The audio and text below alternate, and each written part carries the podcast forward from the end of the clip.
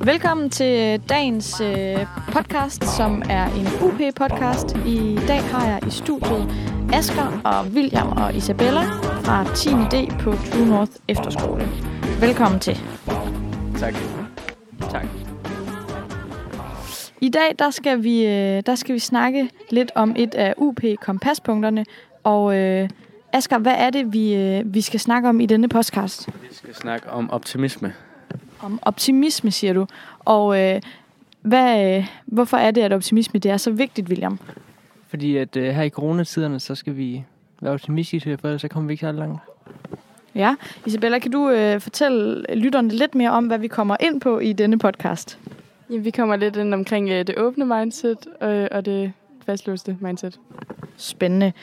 Øhm, nu siger du noget med et åbent og et fastlåst mindset.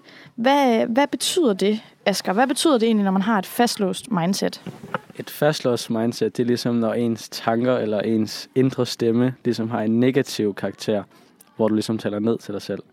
Og øh, det værste er, at vi øh, langt fra altid er bevidste om, at vi har de her tanker, og det bliver ligesom automatisk og en naturlig del af vores hverdag. Det skal man ligesom have lavet om til et open mindset. Ja, og Isabella, hvad så øh, med det, med det åbne mindset? Jamen, det åbne mindset, det er lidt det modsatte af det negative mindset. Et åbent mindset, der bekymrer du dig mindre, og så tror du mere på dig selv. Øhm, du tror for eksempel på, at du kan lære det, du ikke har lært endnu. Øhm, og det du kan gøre for at få et åbent mindset, det er at blive bevidst omkring dine tanker. Øh, du kan eventuelt skrive de negative tanker ned, du har haft hver time. Ja, og øh, Asger, kan du måske uddybe, hvordan kan man, hvordan kan man få et åbent mindset? Øh, ligesom Isabella hun sagde, med at man kan skrive ens negative, ta- øh, negative tanker ned øh, om aftenen, så skal man ligesom øh, prøve at skrive så mange ned, man kan komme i tanke om, og så skal man prøve at omskrive dem til positive, og så ligesom lære at tænke i en positiv bane i stedet for. Selvom man måske ikke tror på, at det virker, så skal man bare gøre det, fordi det virker. Så øvelse gør mester. Præcis. Ja, spændende.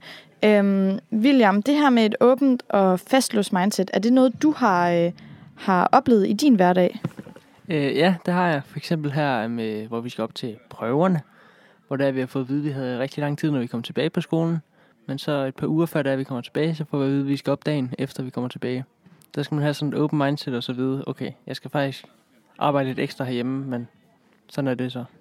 Hvad gjorde du i den situation for at blive ved med at være positiv? Hvordan, hvordan brugte du det her med et åbent mindset? Jamen jeg tænkte, okay, det, øh, det er engelsk allerførst, så nu kører vi lige på engelsk, og så kan vi tage de andre fag efter, og så tænke, jeg skal have en god karakter, i stedet for bare at gå og være sur. Hvad så med, har du oplevet en situation, hvor du øh, via et åbent mindset har, øh, har fået skabt noget positivitet og fået vendt situationen til noget, øh, ja, til noget positivt? Ja, da vi var, øh, da vi havde Zoom derhjemme, og så vi fik at vide, at vi havde den der tid tilbage, og så virkelig arbejde med det i timerne, fordi så havde jeg ikke så meget, jeg skulle gøre, når vi var færdige.